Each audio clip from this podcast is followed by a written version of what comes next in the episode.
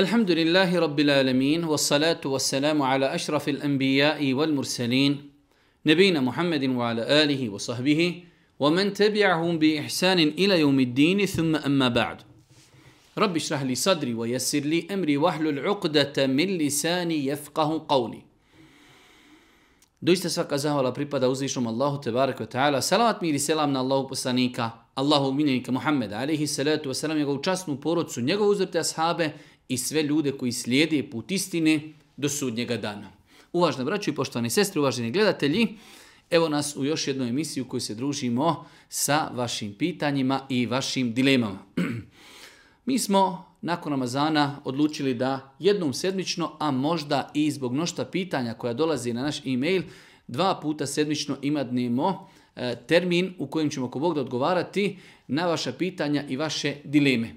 Rekli smo više puta kada smo govorili o vašim pitanjima i dilemama u toku mjeseca Ramazana, da ćemo se doista truditi da odgovorimo na što više pitanja. Ali je nemoguće odgovoriti na sva pitanja zbog mnošta pitanja koja dolazi, a iz druge strane postoje doista određena pitanja e, koja su specifična, e, teška, iziskuju dodatna, dodatna istraživanja, informacije, iako se, hajde da kažemo, nerijetko desi da mi E, ljudima pošaljemo broj telefona, e, znači putem e-maila pa da nas kontaktiraju kako bi nam dodatno dali određene informacije kako bi mogli odgovoriti na njihovo pitanje. U svakom slučaju e, vraćamo se našoj emisiji ako Bog da jednom ili dva puta sedmično, shodno potrebi, shodno broju pitanja koja dolazi na naš e-mail, mi ćemo ako Bog da se družiti sa vama. Prvo pitanje E, imam pitanje u vezi posta dana šauala. Moja Hanuma zbog mjesečnice nije mogla postiti određeni dane mjeseca Ramazana, a sada želi da posti dane šeuala. Pa me interesuje da li će prvo na posti dane Ramazana, pa onda šeual ili može šaual, pa u toku godine pre, e, propušteni dane Ramazana. Jedno standardno klasično pitanje, ali evo odlučili smo da još jednom na ovo pitanje odgovorimo, zato što je još aktuelno. Danas otprilike se nalazimo na sredini, polovini mjeseca Ramazana ili je to već sutra, tako da još imamo vremena da počinemo postiti e, dane, šest dana mjeseca Ševuala u vjerodostojnom hadisu je došlo da je Allah poslanik ali se selam kazao ko posti mjesec Ramazan, a potom posti šest dana u mjesecu Ševualu, imat će nagradu kao da je postio cijelu godinu. Mi smo više puta govorili u pogledu naših majki i sestara, koji u toku mjeseca Ramazana većina njih moraju nekoliko dana da ne poste zbog e, mjesečnici, kazali smo da ako žena može da izdrži, da naposti dane, nakon toga da stigne da posti šest dana mjeseca ševala, to je neka najbolja opcija.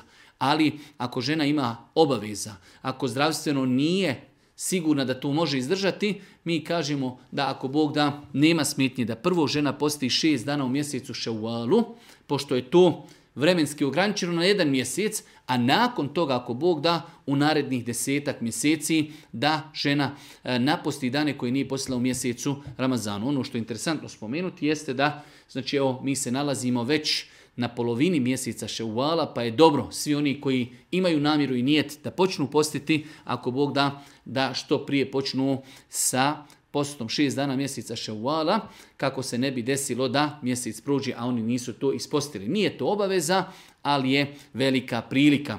Ti dani, šest dana mjeseca ševala, ne moraju biti znači zajedno, može se postiti dan, dva, sedmično, mogu se spojiti e, sa bijelim danima, mogu se e, spojiti sa ponedjeljkom i četvrtkom. Sve su to neke olakšice, znači ne moramo šest dana postiti zajedno, možemo odvojiti dane koje postimo. Drugo pitanje, koji su propisi za halal vjenčanje brak? I ako je jedan uvjet ne ispuni, ako se jedan uvjet ne ispuni, da li je brak validan? Na primjer, otac se nije pitao, djevojka se ukrala. E, pitanje veoma kompleksno i teško.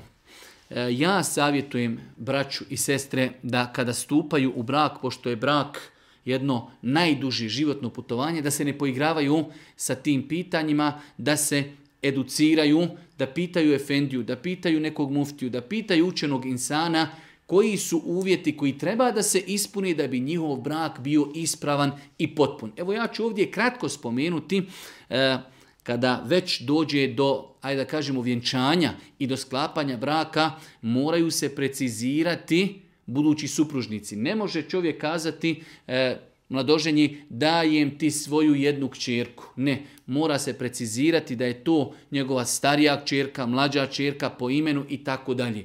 Pa je prvi uvjet znači ispravnosti braka da se preciziraju supružnici. Druga stvar jeste da supružnici budu e, zadovoljni, takozvana na arapskom rida, zadovoljstvo, znači ne možemo mi nekoga prisiliti da nekoga oženi ili da se uda za nekoga, tako da zadovoljstvo e, je drugi uvjet. Treći uvjet jeste starateljstvo. Allah poslanik u vjerodostojnom hadisu kaže La nikaha illa bi Nema validnog potpunog braka, osim sa saglasnošću staratelja. Staratelj je otac, staratelj je e, brat, staratelj je sin, staratelj je djed i tako dalje. U svakom slučaju, prvenstveno, prvenstveno ako je otac živ, ako je vjernik musliman, on treba da bude staratelj i moj savjet našim sestrama da se ne poigravaju s ovim pitanjima. Allah subhanahu wa ta'ala je mudar, Boži poslanik ali se izrekao ovaj hadis kako bi zaštitio ženu.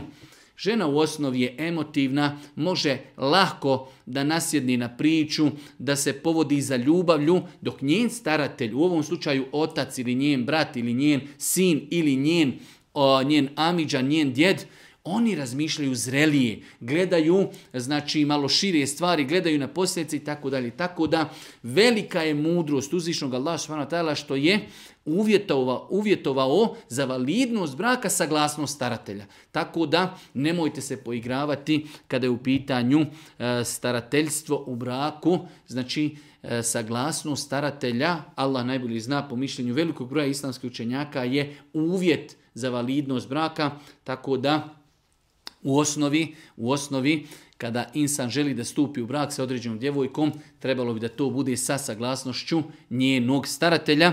Isto tako, e, za validnost braka je potrebno da budu dva svjedoka, e, da ne postoje nikakve zapreke, znači osoba koja vjenčava E, buduće supružnike treba da vidi e, znači njihovu e, krvno srodstvo, srodstvo po mlijeku, da li postoje određene zapreke da njih dvoje stupi u brak. Svakako prilikom sklapanja braka treba definisati i precizirati mehr, vjenčani dar, iako to nije uvjet. Kada bi se sklopio brak bez definisanja mehra, brak je validan, ali kako to ne bi vodilo problemima, nejasnoćama, svađama u budućnosti, najbolje je da se vjenčani dar, mehr, definiše prilikom sklapanja braka. To su znači uvjeti i ne treba se poigravati sa ovim uvjetima, pogotovo kada je u pitanju, kada je u pitanju saglasnost staratelja. Treće pitanje. E, da li valja dati ime djetetu koje nije islamsko? Ovo je jedno poprilično široko pitanje i nedefinisano pitanje.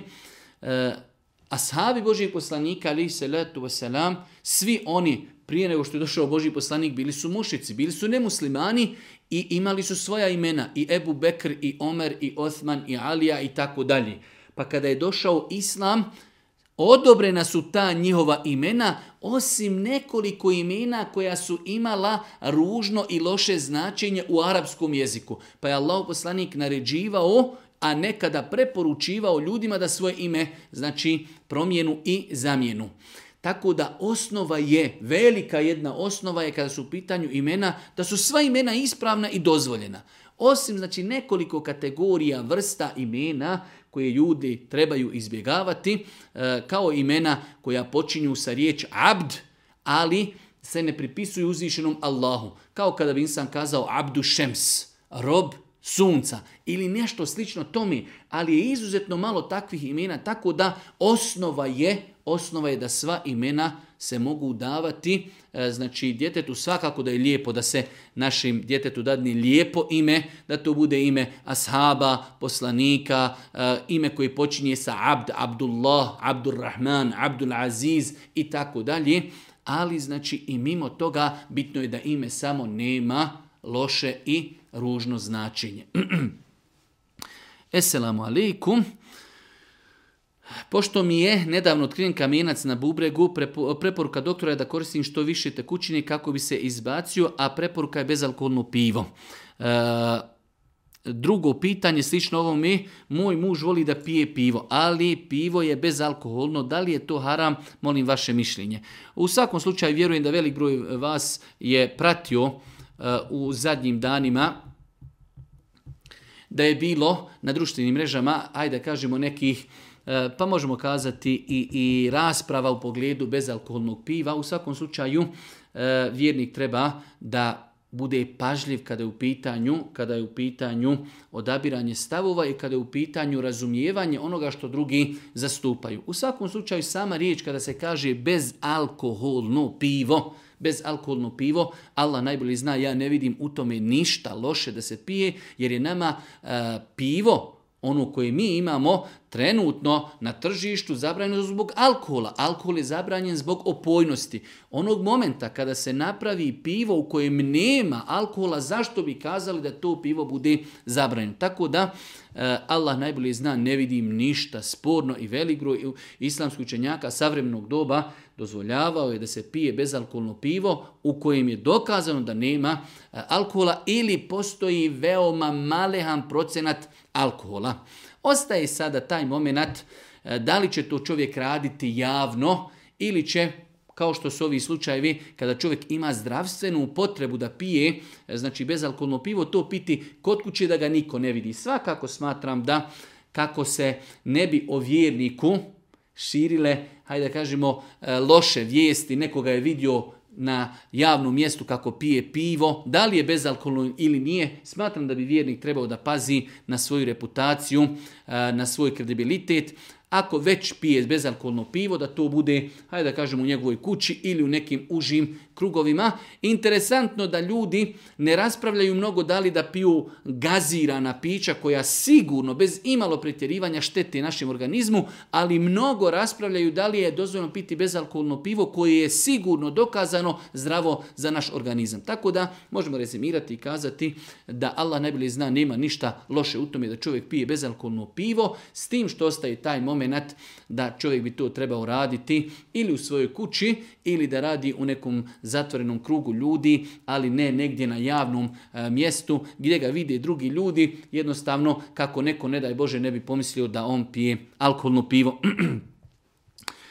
E, sljedeće pitanje odnosi se na zekat, pošto smo ja i moja supruga oboje zaposleni, ali su dva odvojena računa pa kada bi oba računa spojili, onda bi možda spadali u obavezu plaćanja zekata, dok svaki posebno račun nema nisab. Pitanje je, muž i žena radi i svak od njih ima svoj žiro račun, odvojen.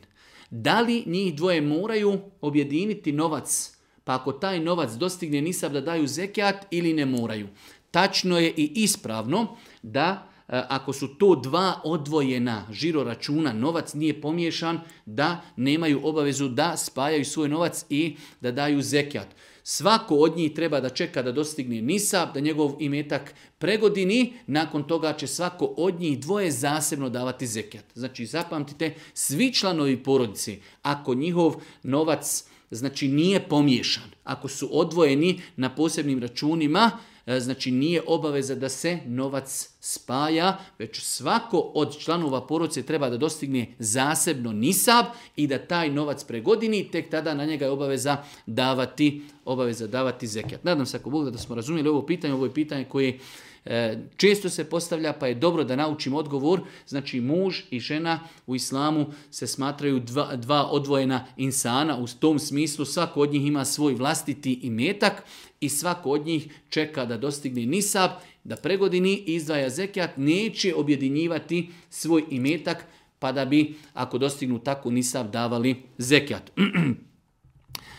Sljedeće pitanje, e, da li mora da se plati zekijat ako imamo puno dugova? imamo još jedno slično pitanje, e, možda pred krajem misli gdje čovjek kaže da je podigao neki e, dug, E, ili kredit na 25 godina, on vraća svoju ratu, ali pored toga on ima i metka koji dostigao nisab. Da li da daje e, zekijat na taj novac, a taj opet novac kojeg ima manji je od iznosa kojeg je on dužan.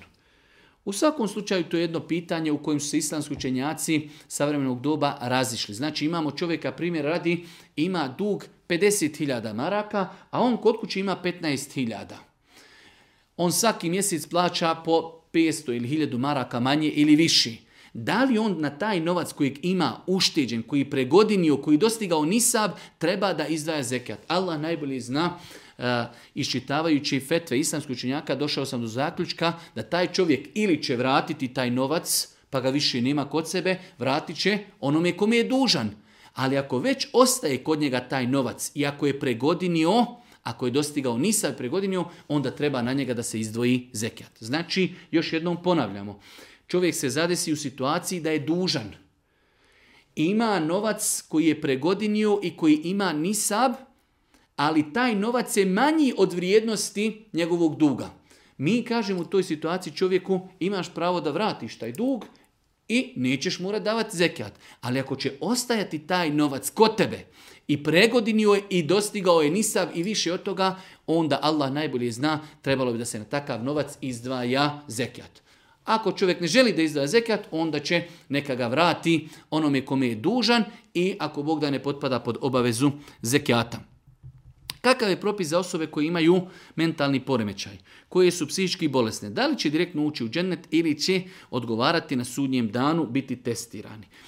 E, Allah najbolje zna, ne postoje vjerodostojni argumenti, precizni, jasni, koji ukazuju na to šta će se desiti sa osobama koje su e, mentalno nisu znači zdrave, retardirane, nerazumne, e, znači kako će se, kako će se uzvišen gospodar odnositi prema njima na sudnjem danu. U svakom slučaju bilo je učenjaka koji su smatrali da će takve osobe direktno ući u džennet.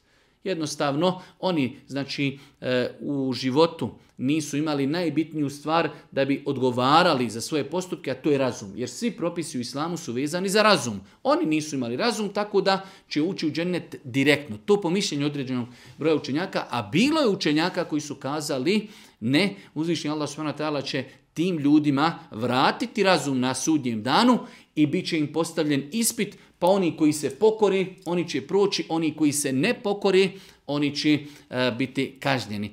Tako da ne treba se čovjek mnogo time opterećivati. Znači, e, ima mišljenje učenjaka da kažu da će oni direktno ući u džennet, a ima i drugo mišljenje da će uzvišenje Allah s.w.t. takvim ljudima na sudnjem danu eh, proživiti i vratiti im razum i da će im napraviti ispit. U svakom slučaju eh, i po jednom i po drugom mišljenju Allahova pravda je apsolutna i neće uzvišenje Allah s.w.t. nikome nanijeti nepravdu. Eh, da li je novotarija u slavom prilikom prosidbe uzimanje prstena i burme? Da li je bolje to ne praktikovati?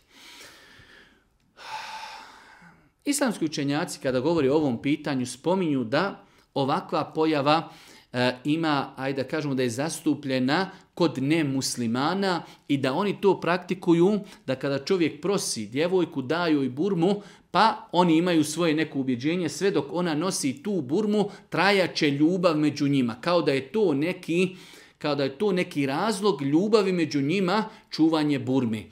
E, svakako da je to neispravno i šerijat islam to apsolutno negira. Tako da u tom kontekstu, kada bi čovjek radio to iz takvog ubjeđenja, to je haram i neispravno. Ali ako bi insan prilikom vjenčanja ili prilikom stupanja u brak poklonio svojoj supruzi prsten, ne mora to biti burma, znači da bi pokloni prsten kao vjenčani dar, kao jednostavno poklon od njega što su stupili u brak, ne vidim u tome ništa loše. S tim da je obaveza, znači da insan bude svjestan da to nema nikakve veze sa njihovom ljubavlju u smislu da dok je prsti na njenoj ruci ona njega neće varati, ljubav će trati i tako dalje. Svakako dodjela poklona u islamu sama po sebi vezuje ljudska srca. To Allah poslani kaže tahadu tahabu. Dijelite poklone pa ćete se voljeti. S tog aspekta da. Tako da Allah najbolje zna, ne vidim ništa loše u tome da čovjek E, znači e, muž pokloni svojoj supruzi na dan vjenčanja prsten, ali da budu svjesni da to nema nikakve veze, da to nema nikakve veze sa e, znači njihovom ljubavlju i da će taj prsten uzrokovati ljubav, odnosno skidanje tog prstena, uzrokovati nestanak ljubavi, to je neispravno ubjeđenje. Pa ako bi insan bojeći se da neko to pogrešno protumači i ostavio taj postupak nakon deset dana, nakon stupanja u brak, da supruzi kupi prsten i to ako Bog da ne bi bilo neispravno. Esselamu alaikum, imam jedno pitanje za vas, a tiče se sada fitra. Da li se kad dobijete vitre iste trebaju otklanjati ili to novotarija u islamu? E, nije mi poznato da postoji nešto što se zove otklanjavanje vitara. Ono što bi moglo se najbliže tome nešto e, hajde da kažemo u islamu naći jeste da je lijepo i povalno ako neko nekome donese vitr da on za njega uputi dovu.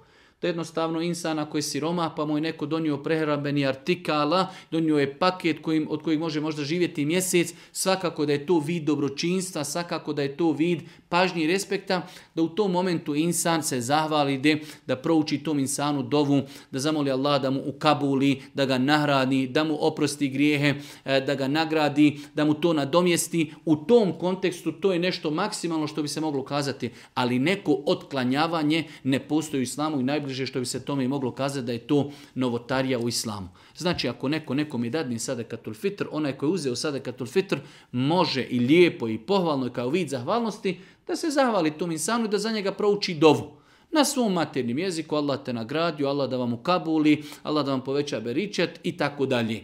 Ali neko otklanjavanje, to ne postoji u islamu i najbliže što bi se moglo tome i kazati jeste da je to novotarija. Pitanje sljedeće, je li dozvoljeno dati zekija za pomoć narodu, zajednici, pogođenoj ratom, spada li tu u kategoriju fise bilila, uzimajući također u obzir da je mnoštvo poruca u takvoj situaciji ostalo bez imetka i neophodna im je materijalna pomoć. Ovdje je osoba koja je postavila pitanja e, kao da jednostavno je dva pitanja stavila u jednu pitanja. to je kada određenu zajednicu zadesi Sibet, ne može to nikako potpadati pod fise bilillah. Fise bilillah znači na Allahom putu.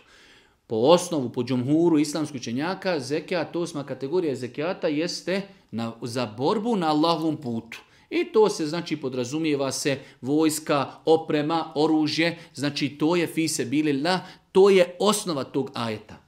S druge strane onda dolazimo do pitanja, kaže uzimajući u obzir da je mnoštvo porodca u takvim situacijama ostalo bez, um, e, bez imetka.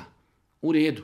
Ako je određeno područje zadesilo e, određeno iskušenje, nepogoda ili, ili rat ili nešto, znači mi ako želimo pomoći takve ljude, ako potpadaju pod kategoriju siromaha, ne idu oni pod kategoriju fise bilila, već idu pod kategoriju siromaha. Ali tada dajemo njima lično. Znači uvjet da bi zekijat bio ispravan, ispravno izdvojen siromasima, jeste da se da njima lično. Lil fuqara, innama sadakatu lil fuqara, wal mesakin, sadaka pripada sirotinji, bjedi. Ovo slovo L Lil fukara znači da oni postanu vlasnici. Tako da ako se zadesi da određena zajednica je iskušana određenim iskušenjima, e, znači oni ne potpadaju pod kategoriju fise na Allahovom putu, jer je to specifično za borbu na Allahovom putu, ali oni mogu potpasti pod kategoriju siromaha, s tim što kada dajemo taj zekat, onda moramo dati lično tom siromahu koji to zaslužuje. E, sljedeće pitanje, selamu alaikum, moje pitanje koliko je period dojenja jednog djeteta da bi e, ona bila majka po mlijeku, Allah vas nagradio za svaku sekundu i tako dalje. E, ja sam o tome već jučer pisao, jer nekada kada naiđe ovako neko interesantno pitanje, mi i odgovorimo na to pitanje putem Facebooka. U svakom slučaju, u islamu znači postoji krvna, krvna, krvno srodstvo, Postoji tazbinsko, tazbinsko srodstvo i postoji e, znači, srodstvo po mlijeku. E sada, da bi neka žena bila majka nekom djetetu koje nije njeno biološko dijete, da bi mu bila majka po mlijeku, treba da se ispune dva najbitnija uvjeta. Da je minimalno zadojila to dijete pet puta, i da je to bilo prije nego što je ono napunilo dvije godine. Ovo moramo zapamtiti. Dva su osnovna uvjeta da bi određeno dojenje djeteta bilo znači učinkovito i da bi ono postalo dijete po mlijeku određenoj ženi. Da je žena dijete zadojila minimalno pet puta. Jednom ništa, dva put ništa, tri put ništa. Pet puta i da je to bilo u periodu prije nego što je to dijete napunilo dvije godine. E sada, imamo e, razilaženje kod učenjaka šta znači jedno dojenje. Pa je bilo učenjaka koji su kazali žena može za dvije, tri minute, pet puta da zadoji dijete. Kazali su svako uzimanje djeteta u naruče kada ono počne jesti i dobrovoljno, bez kašljanja, bez da ga neko pomakne, bez da mu neko, znači, da ga odvoji od, od mlijeka, da ono dobrovoljno pusti, znači, e, mlijeko, pa se ponovo vrati, oni su to smatrali jednim dojenjem. Tako da se može desiti da žena jednom dok nahrani dijete, možda dijete 5, 6, 10 puta, znači, prekida sa jelom i vraća se, e, znači, na dojenje. Tada u tom slučaju e, veoma brzo žena ispunjava ovih pet pet dojenja. Dok su neki drugi opet kazali da pet dojenja znači pet hranjenja. Znači da je žena zaista pet puta nahranila dijete, svako hranjenje je zasebno, bez obzira koliko puta dijete prekidalo dojenje ili ne. U svakom slučaju e, treba paziti na ovo pitanje, jer Boži poslanik Ali se letu se nam kazao sve što je zabranjeno za brak po krvi, zabranjeno je po mlijeku. Tako da dijete koje žena zadoji pet puta, u periodu prije dvije godine, ono postaje njen sin po mlijeku. Ta žena može sa njim putovati, ona se pred njim može otkriti jednostavno njeno dijete. Kažu islamski učenjaci, najlakše je shvatiti propis toga da to dijete uzmemo, da zamislimo da ga stavimo u njenu porodicu. Ono postaje dio te porodice, njen muž njemu postaje otac, ona mu je majka, njena djeca mu postaju braća i sestre.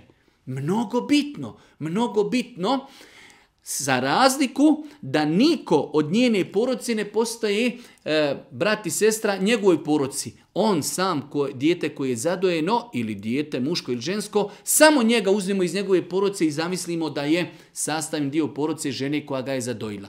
E, ova zabrana se odnosi isključivo na brak, na osamljivanje na brak i na osamljivanje, na putovanje, na mahremstvo. Ne odnosi se na nasljedno pravo. Tako da žena ako ima dijete koje je, ako ima dijete koje je po mlijeku dijete, ono ako preseli, ona ga ne nasljeđuje i obrnuto. Ako žena preseli, to dijete nju ne nasljeđuje.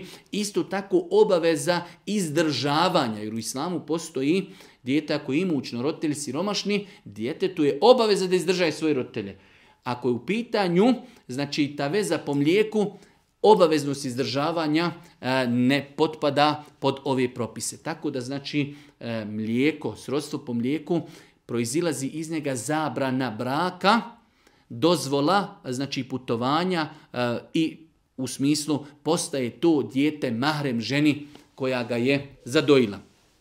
Nadam se ako Bog da, da smo e, shvatili ispravno ovo pitanje, mnogo bitno pitanje. Za vrijeme Božih poslanika, ali se letu sram, desio se slučaj da je jedan čovjek oženio ženu koja mu je bila sestra po mlijeku, pa je Allahu poslanika ali se letu se nam naredio da se e, obatali i da se prekini taj brak. Pa insan kada stupa u brak, e, sa određenom osobu treba da pita svoju majku da slučajno kroz život, kroz bolnicu, pogotovo ako se radi o komšilu, ako se radi o rodbini, onda je veoma bitno da upita svoju majku ili majku te djevojke koji želi da, da ženi, e, da ne daj Bože nisu oni u toj e, znači vezi kada je u pitanju srodstvo po mlijeku. Pročitala sam da je pravo Kur'ana da onaj koji sluša, da sluša sa pozornošću. Ja sam imala običaj da pustim učenje Kur'ana dok radim, pogotovo od e, kako radim e, radim od kući. Da li je ovo slušanje problematično obzirom da se radi o pasivnom slušanju?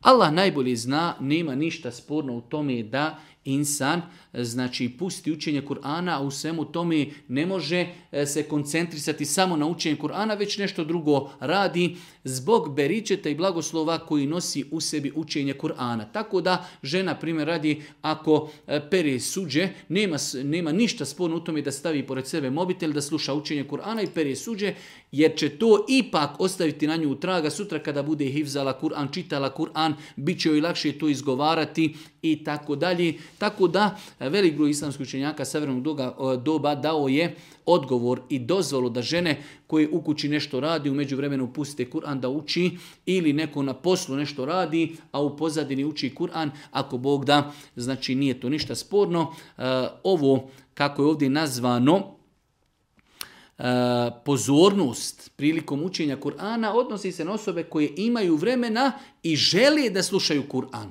To je znači jedan poseban badet da insan sjedni, odvoji posebno vrijeme, pusti učenje Kur'ana i posvijeti se učenju Kur'ana. To je nešto, hajde da kažemo, posebno i poseban ibadet. Za razliku od osobe koja jednostavno želi da u njenoj kući ili na poslu, da se čuje učenje Kur'ana i zbog blagoslova i beričeta bolje da se čuje učenje Kur'ana nego ne daj Bože muzike ili nečega drugog. Tako da uz pomoć u ovakvim situacijama nema ništa sporno da Djeca puste učenje Kur'ana e, dok radi zadaću, da žena pusti učenje Kur'ana dok radi neke kućanske poslove, nema u tome ako Bog da ništa loše. Sljedeći utorak, srijeda, četvrtak su bijeli dan, jer problem ako poklopimo po šest dana ševala ili e, tako piše poklopimo e, sa postom bijelih dana. Nema nikakve, nije ništa sporno da čovjek posti bijeli dane. Bijeli dani su znači 13., 14. i 15. dan po e, znači hidžetskom mjesecu, po hidžetskom mjesecu. 13., 14., 15. dan, pohvalno i lijepo posti. U osnovi imamo hadise da je Allah poslanik pohvalio, e, znači pohvalni smatrao da se posti tri dana u svakom mjesecu ali je dodatno pohvalno ta tri dana budu središnji dani u jednom mjesecu, 13. 14. i 15. dan u jednom mjesecu. E sad u svemu tome kada mi postimo ta tri dana, možemo li namjeravati da to budu tri dana od šest dana mjeseca ševala svakako da može. Tako da nema smetnje da čovjek kada posti ponedjeljak, kaže ja postim ponedjeljak, ali želim nam to bude jedan dan od šest dana ševala. Posti četvrtak, ali kaže želim da mi to bude jedan od šest dana šauvala. Posti tri dana u mjesecu, tri bijela dana u mjesecu, ali kaže želim da mi to budu tri dana od šest dana šauvala. Nema ako Bog da nikakve smetnje u tome. Nakon toga imamo jedno pitanje malo duže. E, djecu smjeravam, učim, podučavam. Naša čerka, šest i 8 godina e, Pitanje je malo poduže, ali je pitanje generalno da žena kaže na kraju njen muž je nako poprilično lijep muž, ali e, imate svoje mahane da kada mu dođu gosti, u ovom slučaju ona je napisala e, kada dođe švabo, on sa njim roštilj raspali u kratkim hlačama majci pa i pivo popiju. E, i našoj sestri e, smeta to E, njeno ophođenje muža e, prema, znači kada su nemuslimani u pitanju, spreman je da popusti i da sa njima radi stvari koje su zabranjene, pa je ona pokušavala na različite načine da ga savjetuje, kritikuje, pa čak ovdje navodi i možda i da se i svađaju svašta nešto, e, kako to, kako da žena postupi u takvoj situaciji. Ono što je radila samo da nastavi sa tim. U smislu, hvala uzvišom Allah koji je to insan vjernik, ako on klanja, Svako ima svojih nekih mahana, u većini slučajeva jedan od dva supružnika uvijek je neko malo jačeg imana i više se pridržava vjeri, tako da osoba koja je jača imanski treba da pozitivno utječi na onoga koji je posustao u određenom pitanju, a to se može postići lijepom riječu, savjetom, pa i kritikom, pa razgovorom, pa znači e, svim tim nekim dozvoljenim metodama, dijalog, savjetovanje, kritika, e, pozivanje u hajr, odvraćanje od zla. To je ono što insan u ovakvim situacijama može da uradi, da dovi uzvišom Allahu subhanahu wa ta'ala, da odalje od tog insana loše društvo, da, mu, da odalje od njega grijehe, da mu omrazi grijehe, da dovi za njega i da ga na lijep način poziva da to ostavi. To je ono što insan može da uradi.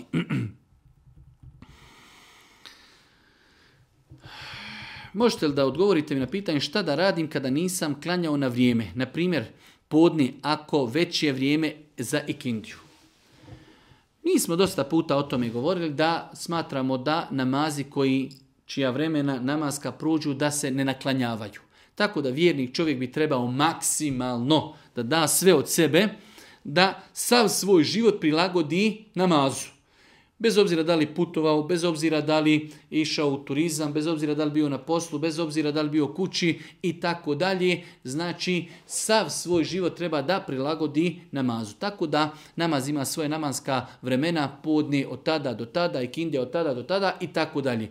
U tom periodu čovjek bi trebao da nađe vrijeme i da klanja namaz u njegovom namaskom vremenu.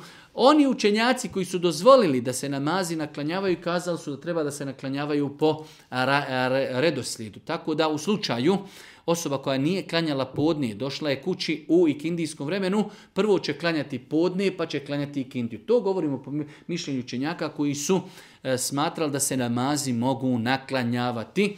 E, Allah najbolje zna, Allah Žešanom kaže u Kur'anu inna salata kanet ala mu'minine kitaben meukuta, doista je namaz vremenski određena obaveza, tako da insan bi trebao da se maksimalno potrudi da klanja namaz u njegovom namaskom vremenu. E, odgađanje namaza iz namaskog vremena je jedan od najvećih grijeha u islamu. Kako bi ljudi znali da, se, da je to opasno pitanje i da nije pitanje u pogledu kojih se trebaju poigravati. Jedan od najvećih grijeha, do te mjeri da je bilo učenjaka koji su kazali, ako insan jedan namaz nekanja, on više nije musliman. Mnogo, mnogo, mnogo teško pitanje, stoga čovjek vjernik ne bi trebao da dopusti sebi da se zadesi u takvoj situaciji da nije klanjao namaz u njegovom namaskom vremenu. Kako voditi raspravu sa onima koji tvrde da je neuzubila Muhammed napisao Kur'an? U svakom slučaju moj savjet generalno, nemojte mnogo raspravljati sa ljudima. To je prvo pravilo, zato što u većini slučajeva ljudi e, nisu prije rasprave postavili e, pravila na osnovu koji će raspravljati. Ako nemamo pravila, onda je nemoguće da ja tebi dokažem nešto ili ti dokažeš meni. Moramo postaviti pravila pa da bi mi ušli u neku raspravu. Dobro, ako ja tebi dokažem kakve ti imaš obaveze, ako ti dokažeš meni kakve ja imam obaveze, na šta ćemo se pozivati, šta su nam relevantni izvori i tako dalje. Sjediti na internetu, ubjeđivati nekoga da Muhammed Ali nije napisao Kur'an, taj insan nikada nije pročitao Kur'an. Meni se znalo desiti da ljudi počnu na Facebooku mi komentarisati u tom pravcu, pa kažu Kur'an je prepisan iz Tevrata, iz Biblije, Muhammed alihi salatu wasalam ga je napisao i tako dalje.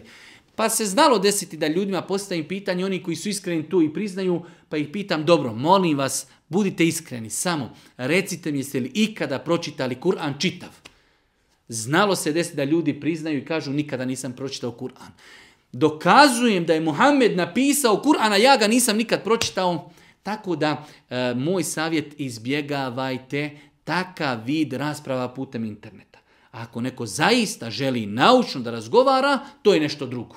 Onda treba da znamo jesmo li kompetentni ili nismo. Ako nismo kompetentni, nismo učili, nismo studirali, nije to naša struka, treba da to proslijedimo na adresu onoga koji je stručan. Postoji knjiga na bosanskom jeziku koja se zove Neporecivi argumenti istinitosti Muhammedovog ali i seletu sram poslananstva. Izuzetno lijepa knjiga, može se naći na internetu u PDF-u. E, neporecivi argumenti istinitosti Muhammedovog alaihi salatu wasalam poslanstva u kojima autor knjige navodi racionalne dokaze da je Muhammed alaihi salatu wasalam poslanik.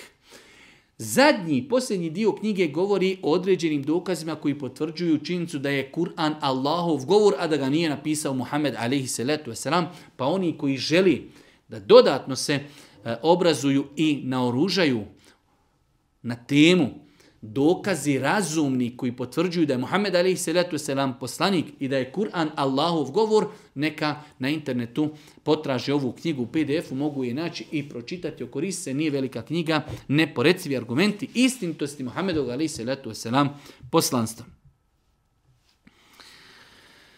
Kako i na koji način bih ja mogla utjecati na moga muža da prestane konzumirati duhan?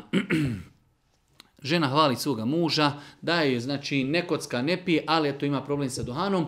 Opet se vraćamo na onaj moment, e, znači konverzacija među supružnicima treba da bude dijalog, treba da bude savjet, treba da bude lijepa riječ, da se e, traži lijepa, e, lijep ambijent.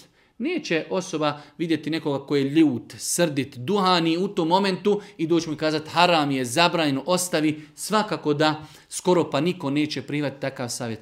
Već znači odabrati lijep moment, lijepe riječi, e, pokazati i dokazati osobi koju savjetujemo da mu želimo hajr, da to što radi šteti njemu, uništava i metak, šteti njegovom djetetu, šteti njegovoj supruzi, njegovom zdravlju, njegovom izgledu, uništava i metak, na jedan lijep i kulturan način voditi dijalog, znači savjetovati, kritikovati na ispravan način u vremenu u kojem pretpostavljamo da bi taj savjet mogao doći do srca tog insana. To je ono što insan može da uradi.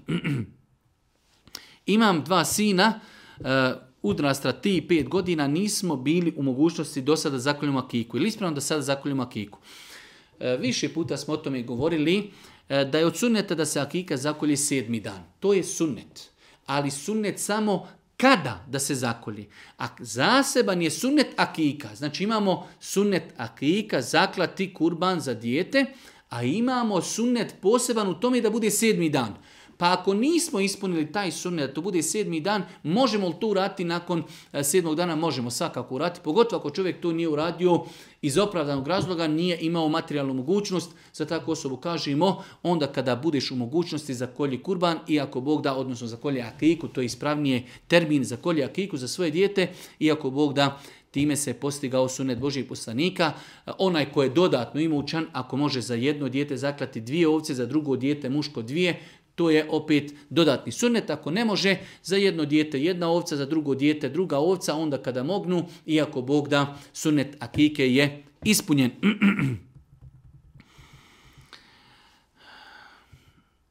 Esselamu alaikum, Allah bio zadljeno s znam da dodirivanje spolnog organa kvari abdes, Da li se to odnosi i preko odjeće ili samo direktni kontakt ruke sa spolnim organom? Znači, E, više puta smo govorili da postoji jako razilaženje među islamskim učenjacima da li dodirivanje spolnog organa kvari abdest. Pa smo rekli da mi preferiramo mišljenje da dodirivanje spolnog organa kvari abdest. Ali u svemu tome, znači na, što, na šta se odnosi dodirivanje spolnog organa? Na direktno dodirivanje spolnog organa rukom, bez bilo kakve tkanini. Tako da čovjek ako bi dotakao spolni organ preko hlača, preko peškira, preko donjeg veša, sve to ne kvari abdest. Tako da znači učenjaci koji su kazali da doticanje spolnog organa kvari e, abdest, misli na direktno doticanje spolnog organa golom rukom, znači čak rukom, ne nekim drugim dijelom tijela. Tako da, znači ja sam stava da doticanje spolnog organa kvari abdest, ali samo ako se desilo direktno, znači rukom, golom rukom, bez, bez ikakvog zastora ili neke tkanini. Da li žena može obavljati u kući namaz bez čarapa? To je jedno poznato pitanje E, u pogledu kojeg islamski učenjaci imaju razilaženje, ne postoji neki jasni, jasni dokazi koji ženu obavezuju da klanja, kada klanja u kući, da oblači čarape. Svakako kada žena ide u džamiju zbog izlaska iz kuće i zbog znači, e, toga što će ljudi, muškarci koji joj nisu mahremi vidjeti, žena treba da izlazi iz kući da obuče čarape. Oko toga ako Bog da ne razgovaramo. Razgovaramo o tome kada žena klanja kući, da li joj je obaveza da nosi čarape. Ja sam stava da je namaz bez čarapa ispravan. E sad, ako bi žena to nosila iz neke predostrožnosti ili ako žena ima nešto što u današnje vrijeme žene eh, E, šiju posebno takozvane klanjačice e, koje obuku samo da bi klanjale namaz, ako može znači stati svojim nogama na tu klanjačicu, da to bude malo duža klanjačica, pa da se ne vide noge kada žena klanja namaz, inšale i to je dobro, dobar postupak, ali u svakom slučaju e, kazati da je obaveza nositi čarape prilikom klanjanja namaza u kući, ja ne mogu to kazati, smatram da je namaz E, bez čarapa ispravan. Ako bi žena to nosila ispred ostrožnosti, sigurno bi dobro postupila. Ako bi spustila svoju suknju e, toliko da, da suknja dolazi skroz do zemlje, da se noge ne vidi, isto ispravno bi ako Bog da postupila. Pitanje u opisu moga posla je da radim u dvorištima privatnih kuća tako da većina vlasnika imaju pse. Moje pitanje glasi ako me pas ponjuši, da li gubim abdest i da li mi je odjeća čista za namaz? Ovdje imamo dva pitanja. E, brat znači, koji radi, radi na održavanju e, dvorišta. Ne znam u kojoj to sredini, ali kaže da većina tih ljudi imaju pse. Pa ako pas onjuši čovjeka, da li time gubi abdest? Nikada nisam čuo da je neko od islamskog kazao ako insana ponjuši pas da izgubio abdest. Što se tiče znači abdesta, riješili smo da to ne kvari abdest. E sada ostaje moment e, to, e, znači, e, islamski učenjaci skoro pa da imaju konsenzus, koliko se sjećam, da je pljuvačka psa nečista. Pljuvačka psa je nečista, u redu. Samo to nušenje čovjeka kako se desilo. Ako je došao znači pas E, blizu čovjeka, onjušio ga, a nije ga dotakao, onda on nema, znači, ako Bog da, nikakve pravne posljedice. Ako je pas dodirnuo čovjekovu odjeću, e, njuškom koja je vlažna, na koju ima pljuvačke, onda je čovjeku, Allah najbolje zna, obaveza da to opere.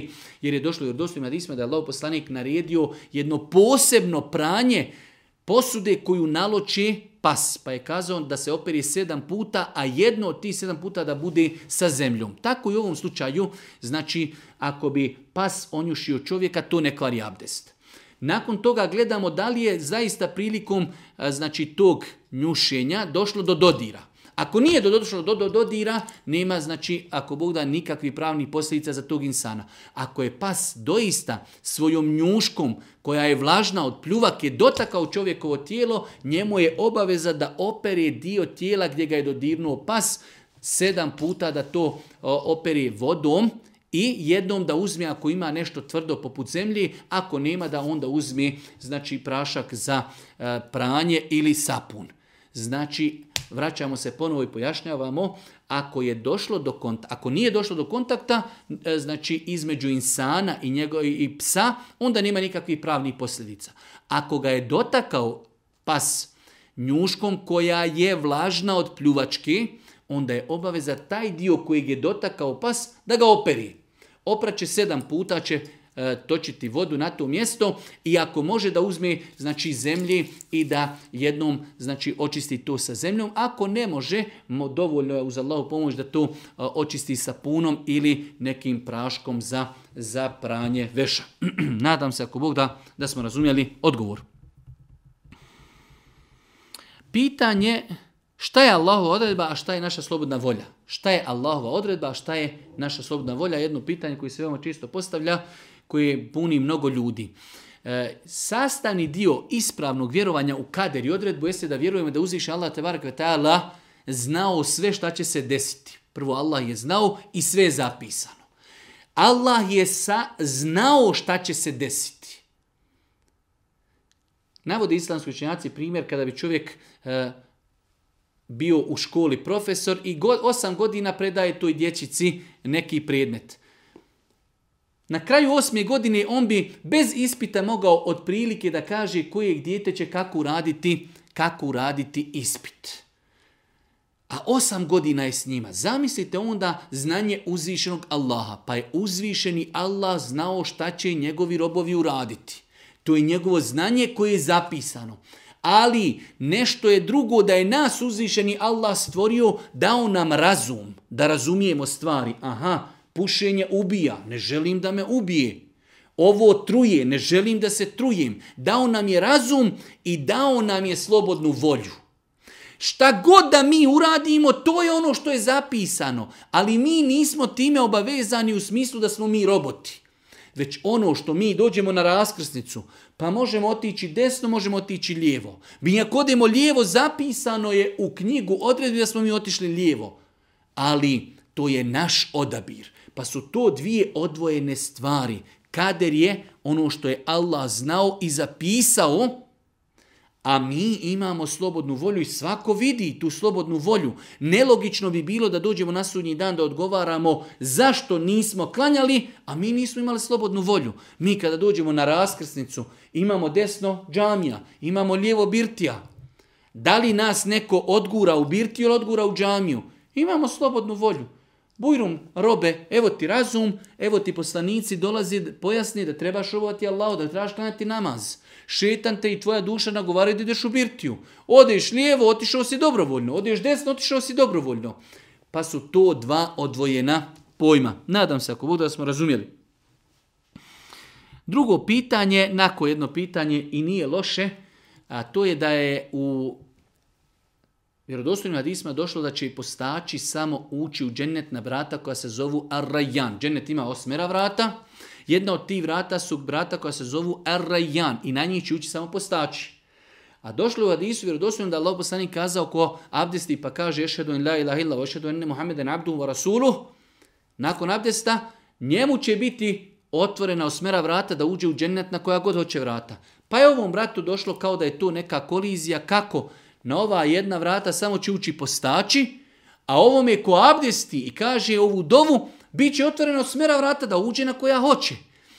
Pa su islamci učenjaci pomirili prividnu koliziju da kažu taj insan abdesti učiti dovu, ali je on zajedno sa postačima, pa ako tjedne da uđe u džennet na vrata Rajan, on će kroz njih ući po zasluzi posta, a imao je znači mogućnost da uđe i na druga vrata. Tako da inšala biznila pravilo veliko rekli smo ako su dva hadise vjerodostojna nemoguće je da budu kontradiktorna.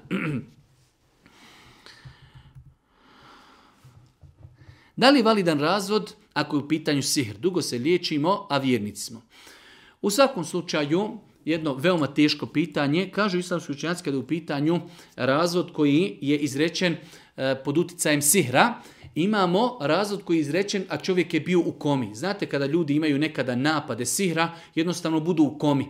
Kada bi čovjek tada izgovorio e, razlog braka, to se ne broji. Zato što on tada ne razumije šta govori. E sada imamo drugu situaciju da čovjek, znači pod uticajem je sihra, ali razumije šta govori. Velik broj učenjaka je kazao da taj e, razod je validan, znači pada. Ako čovjek ima problem sa sihrom, ali razumije šta govori, zna da je rekao ženi, ženo razvedena si.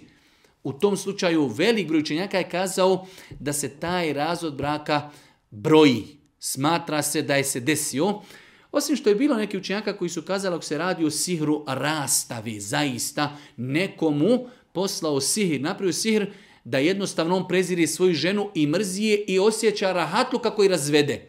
Bio je dio učenjaka koji smatraju da taj, da taj razvod braka nije validan.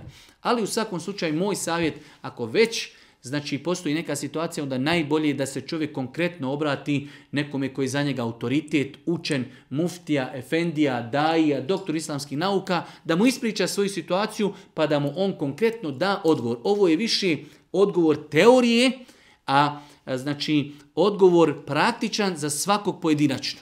Mi možemo kazati ako je čovjek rekao znači riječi razvoda, a bio je u komi, nije znao za sebe, to nije razvod. Niko do leme to ne smatra da je razvod. E imamo sada da čovjek ima problema sa sihrom, izgovori riječi razvoda, ali je svjestan šta govori, zna šta govori. Allah najbolje zna, velik broj učenjaka i smatrao da taj razvod je validan.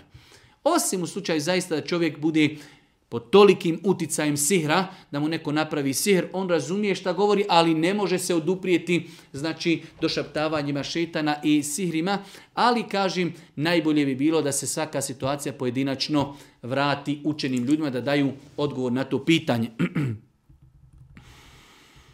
E, da li sehvi sežda vrijedi samo za farze ili i za sunnete? Ispravno je, kada je u pitanju sehvi sežda, da ne postoji razlika između farza i sunneta. Kao što radimo sehvi seždu u farzima, isto tako sehvi seždu radimo i u nafilama. Ja sam imao plan da malo duže govorimo o sehvi seždi, ali e, prolazno vrijeme nam je slabo, tako da generalno pravilo znači E, ako smo izostavili neki vađib slučajno, nenamjerno, već slučajno, tada to nadomještavamo sehvi i seđdom, kao što to nadomještavamo u farzima, tako to i nadomještavamo i u nafili.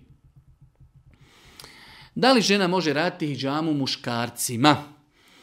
Allah najbolje zna, znači osnova je da žene rade hijjamu ženama, muškarci rade muškarcima. Ne znam da je hijjama e, može biti toliko, pod navodnim znacima, e, za njom potreba, pa da čovjek zaista dođe u situaciju, ne može mu, nema muškarca mu uradi hijjamu, pa da mu žena mora uraditi hijjamu. Tako da e, svakako ostaje moment da žena bi možda teoretski mogla da radi hijjamu čovjeku na mjestima koja nisu, koja nisu avret mislimo na čovjeka koji ženi nije mahrem. Svakako da žena može svome mužu urati hijjamu, može urati svome ocu, svome djetetu, jer, su, jer je ona njima mahrem na dijelovima tijela koji nisu, nisu avret. Govorimo da žena uradi hijjamu čovjeku koji joj nije mahrem, treba tu u osnovi izbjegavati. Ne mislim da može lako doći nužda da žena mora urati muškarcu hijjamu, znači da ne postoji muškarac, jer hijjama je svakako doticanje tijela, e, tako da trebalo bi znači da muškarci muškarcima rade hijjamu, da žene rade ženama hijjamu, osim u slučaju ako su u pitanju osobe koje su mahremi. Dobio sam seđadu supruge na, kao poklon na kojoj ima ugravirano moje ime. E, ne vidim ništa sporno u tome, e, brat je poslao e, sliku seđada i na čošku seđade je ugravirano njegovo ime, ne vidim nikakav problem da se klanja na toj seđadi, bez obzira što je na njoj ugravirano ime osobe koju je poklonjeno. da li se može u vitr namazu učiti dova koja se može naći u ilmihalima, dakle riječ je o dovi Allahumma inna nesta'inu kevo nesta'ufiru nestahdik i tako dalje. Nema smetnje pošto vitr namaz, mi smo rekli da se na vitrima može učiti dova, može da se i ne uči dova. Može se učiti dova koja je zabilježena od Božijeg poslanika, ali se ratu a može se učiti dova e, koju mi želimo. Tako da, inšala bizna, nema ništa loše u tome da se uči ona dova koja je napisana u našim ilmihalima. Kriptovalute, rekli smo, više puta nam je dolazilo pitanje u pogledu kriptovaluta.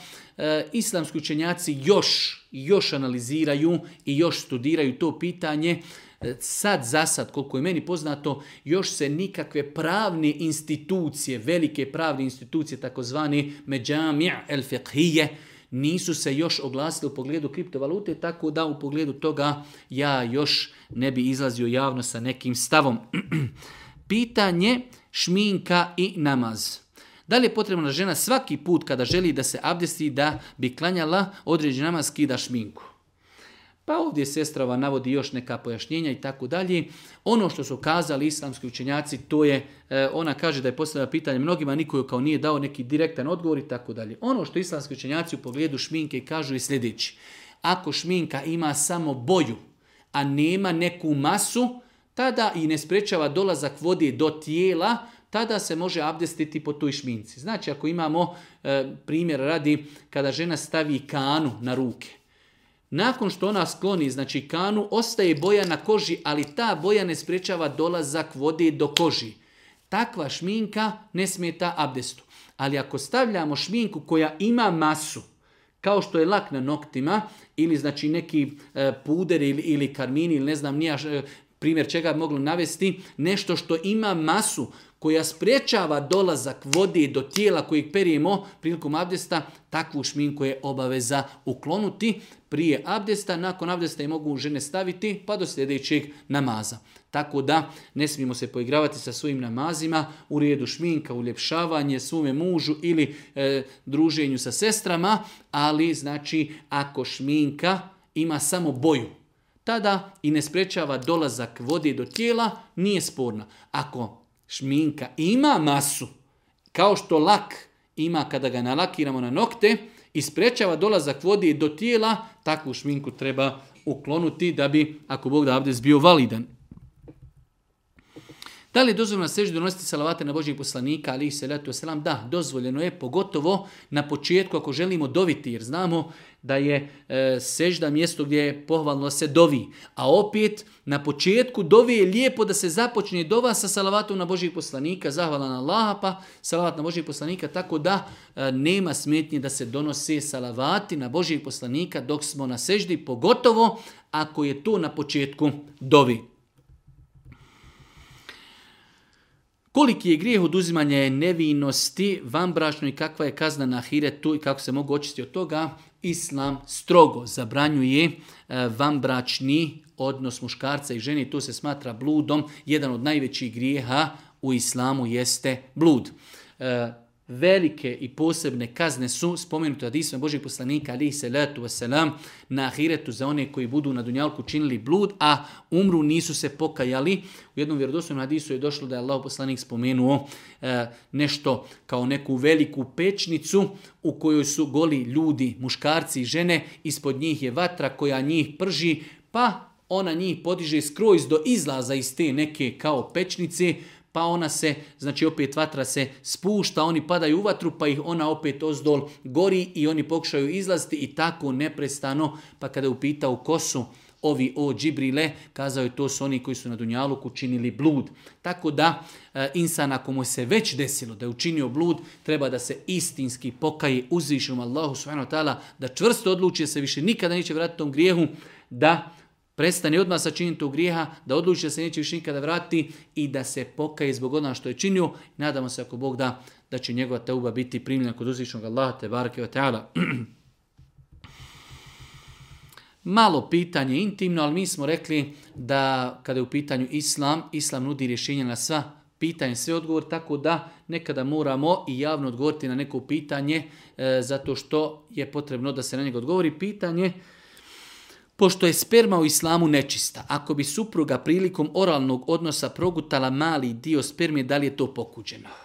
Imamo ovdje e, mnogo toga udrobljenog, e, generalno gledajući e, prema islamskim principima, nema smjetnje da se supružnici oralno naslađuju ako je to njima predstavlja, hajde da kažemo, zadovoljstvo. Prva stvar, znači nema smetnji da se supružnici oralno naslađuju ako to njima predstavlja, predstavlja zadovoljstvo. Druga stvar, ovdje je iznešena konstatacija da je sperma nečista, što jeste po jednom mišljenju. Znači, postoji jedno jako, jako, jako razilaže među islamskim učenjacima da li je sperma čista ili nečista. Ja lično sam stava da je sperma čista, E, i zbog argumenata hadisa Božih poslanika, ali i zbog logike ne mogu da, da se pomirim s da je uzvišen Allah stvorio čovjek od nečeg nečistog. Jer insan nastaje od spermi, pa da je čovjek nastao od nečega nečistog. Ja sam stava da je sperma čista u smislu pravnom. Ako padne na naše hlače ili na našu košulju, znači ako bi tako klanjali, naš namaz je, čist, naš namaz je validan spravnog pravnog aspekta gledano, ja sam stava da je sperma čista. E sada ostaje taj moment, ostaje taj moment e, što e, e, je to nešto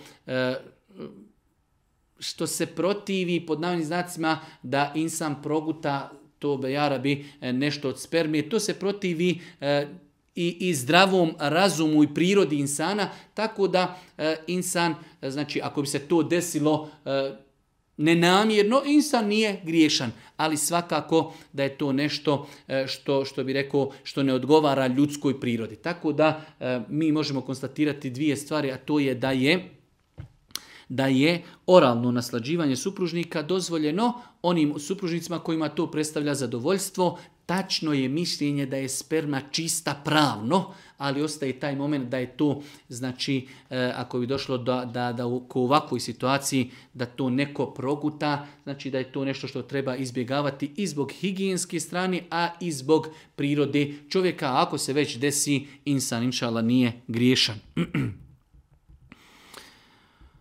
E, možete li da pojasnite je li obavezno proučiti nijet za post pri napaštanju iz ostalih dana i poseban, na, poseban nijet i namjera za šest dana šauala? Braću, moja dragi cijeni sestri, rekli smo da je namjera i nijet u srcu. I za namaz, i za post, i za hađ, i za zekija, tako da sama činjenica da čovjek kaže sutra ili žena, ustajem na sehur, želim da napostim dane koje nisam postila u Ramazanu, to je dovoljno sama činca dok kaže ja ću to urati, to je ono što je u njegovom srcu.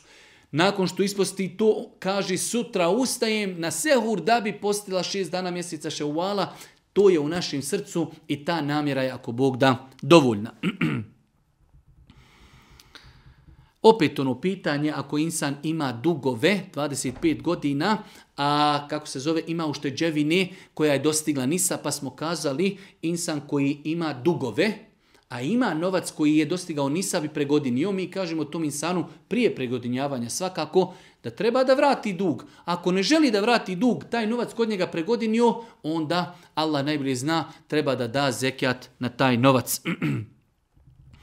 Imamo jedno pitanje, duži pitanje, pitanje jedne naše sestre koja ima problem sa, zdravstveni problem sa svojim djetetom, pa pita da li ona na kraju može da, da svome djetetu eh, uči rukiju, da uči na vodu pa da dijete pije vodu, da uči na, na ulje pa da masira svoje dijete, dijete uljem i te kako da može čak što je više pohvalno, znači da roditelji svojoj djeci prouči rukiju, da im uči dove koje je Boži poslanik preporučio kao zaštita od, e, od uroka, znači učiti svome djetu rukiju, učiti dove kao zaštita od uroka, od sihra, učiti na vodu, uzeti flašu, i nad njom naučiti određene sure iz Kur'ana, dati djetetu da pije, naučiti na ulje, nakon toga tim uljem masirati djetu prsa ili vrat ili leđa, tako da sve je to ako Bog da dozvoljeno i ne samo dozvoljeno, čak možemo kazati i pohvalno.